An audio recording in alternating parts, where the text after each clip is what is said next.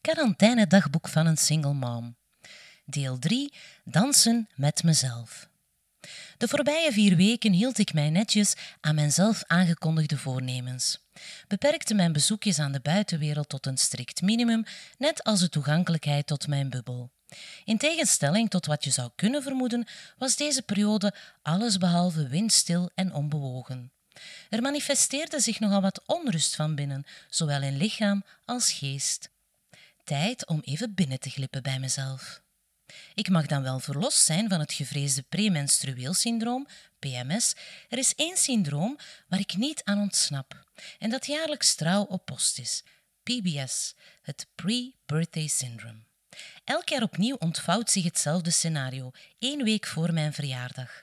Dan ben ik emotioneel geladen en dat is vrij zacht uitgedrukt. De basissymptomen sluiten heel nauw aan bij die van PMS. Toch lijkt er dit jaar meer aan de hand. Het is ook niet meteen een doorsneejaar. Het is vandaag mijn 45ste verjaardag. Moet ik dat als een mijlpaal zien, vraag ik mij af heb het gevoel dat het jaar 2020 wel wat meer omvat om over na te denken. Wat met zekerheid mijn transitiejaar zou worden, werd het jaar van corona, lockdowns, quarantaines, bubbels, absurd menselijk gedrag enzovoort, maar ook van heel wat nieuwe inzichten voor velen. Toch kan geen enkel virus mijn transitie verstoren, hooguit vertragen, net als de plannen die daarmee gepaard gaan. Van emo-trips en van de ene emotie in de andere tuimelen naar emo-bloks, waarbij je nam bent en emoties worden onderdrukt, en weer terug. Ik ondervond weer dat, wat je ook uitstelt, omzeilt of onderdrukt, je van één ding op aan kan. Alles vindt zijn weg terug naar de oppervlakte. De voorbije weken kan ik het best omschrijven als dansen met mezelf. Een overzichtje. Moederdag. Altijd een bijzondere dag voor mij. Dat ik me deze keer niet zo levendig voel, heeft niks te maken met mijn moederschap, eerder met mijn lichaam dat mij weer ferm tegenwerkt. Dat ik weer heerlijk in de watten word gelegd door zo'n lief, helpt wel. Een grote bos bloemen en uitgebreid ontbijt. Sommige succesformules mag je niet veranderen volgens mijn kind. Daar kan ik hem alleen maar in bijtreden. Ik vat het plan op om elke dag een uurtje te gaan wandelen. Ik las dat het ook heilzaam kan zijn voor RSI-klachten. Vat wel eens meer het plan op om te gaan bewegen, neem dan een vliegende start, maar een deftig vervolg laat op zich wachten. Morgen gaat het gebeuren. Wil wel beroep doen op wat muziek als metgezel, anders ga ik het vast heel snel saai vinden. Vraag hulp aan zo'n lief om muziek op mijn gsm te zetten. Die moet daar hartelijk om lachen, want hij staat net op het punt mij een link te versturen van Spotify. Hoe geweldig is dat? Bloemen, ontbijt, veel liefde en Spotify? Happy Mother's Day to me. RSI, Repetitive Strain Injury. Het begon een paar weken geleden met wat last in de schouder en een licht zinderend gezeur in elleboog en pols. Had geen idee dat dit zo zou escaleren. Ondertussen ontbreekt het mijn rechterarm aan alle kracht en het voelt alsof die in brand staat van de schouder tot de pols. Mijn vingers tintelen onophoudelijk en trillen als ik ze strek. Ik vertoon alle symptomen van RSI en meer gespecificeerd betreft het hier een muisarm. Wanneer ik op zoek ga naar mogelijke tips en behandelingen, ontdek ik tot mijn grote ontsteltenis dat ik in stadium 3 zit. Dat komt erop neer dat het ernstig is en het probleem zichzelf niet gaat oplossen. De pijn verdwijnt niet meer, ook s'nachts niet. Daar was ik al achter, ja. Behandeling is vereist. Het heugelijke nieuws is dat 95% van de gevallen na behandeling volledig herstellen. Na zo'n drie tot zes maanden Oeps. Schrijfdrift. Naar de oorzaak van die RSI hoef ik niet te zoeken. De laatste weken schrijf ik als een bezetene. Urenlang, dagenlang, werk aan minstens acht dingen tegelijkertijd. Om nieuwe ideeën zit ik belangen niet verlegen. Iets helemaal afwerken lukt minder goed. Mindset. Wanneer een fase van chaotische schrijfdrift zich ontpopt, dan heeft dat wel eens te maken met een zekere mindset. Er ontstaat steeds meer afstand met de buitenwereld en alles wordt verwerkt via het geschreven woord. aandacht wordt steeds meer naar binnen gericht.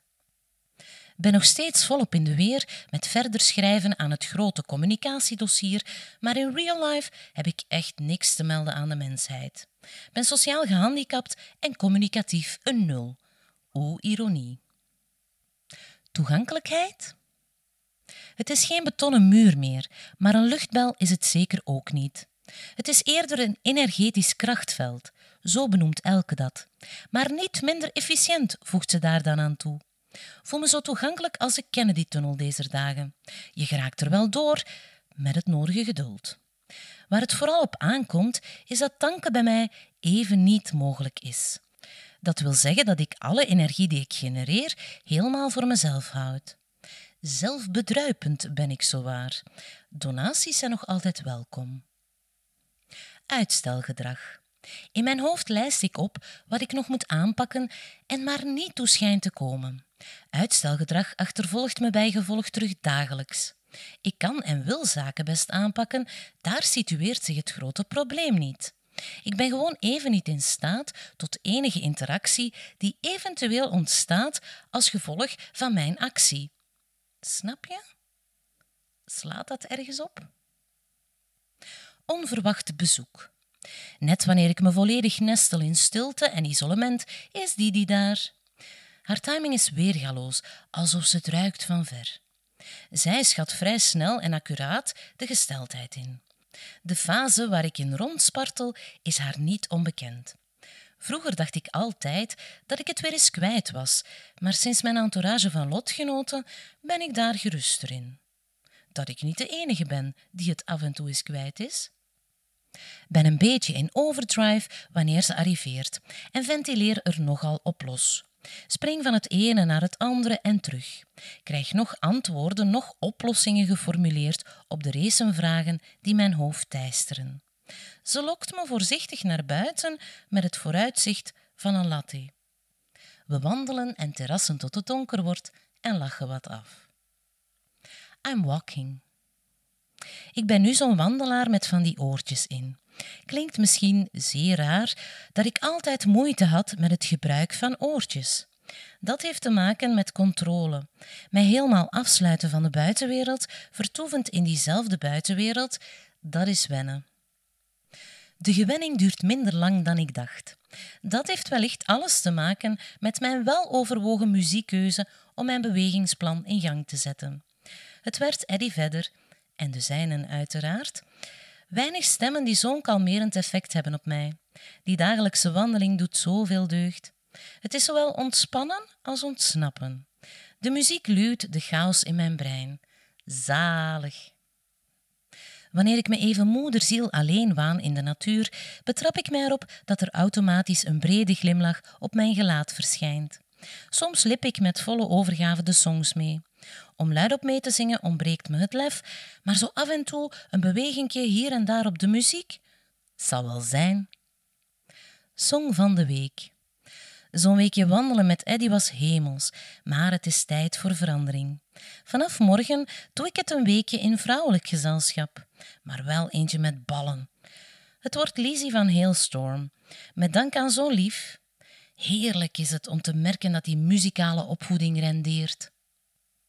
Vandaag deden Eddy en ik dus ons afscheidstourneetje, zou je kunnen zeggen. Van elke noot genoten. Maar als ik een song van de week moet kiezen, ben ik er vrij snel uit. Eén liedje voelde ik elke dag opnieuw in elke vezel van mijn lijf. Guaranteed. Kon ik mij het beste mee vereenzelvigen in mijn huidige state of mind. Ik voelde ook zoveel gelaagdheid en herkenbaarheid. Positieve eindnoot. Het is vandaag mijn 45ste verjaardag en ik voel me eigenlijk best oké. Wilde niet de indruk wekken dat het slopende weken waren. Op sommige momenten was dat wel zo, maar soms is het een kwestie van eens binnen te glippen bij jezelf. Ik onderga geen depressieve verschijnselen, geen angst- of paniekaanvallen en voel me niet ongelukkig. Er zit gewoon een wirwar van gevoelens en verlangens die enkel ik kan vastnemen en geordend krijgen. Uit zo'n fase waarin zelfanalyse, zelfreflectie en zelfzorg mede centraal staan, groeit meestal een deftig actieplan. Als dat geen mooi vooruitzicht is. Maar daar ben ik nog niet. Ik ben er nog niet helemaal aan toe om mezelf terug volop in de wereld te smijten. De wereld kan best nog wat verder zonder mij. Voorlopig even geen praatjes, goede raadjes of gevatte commentaartjes. Als het voor iedereen goed is, verleng ik nog even mijn dans.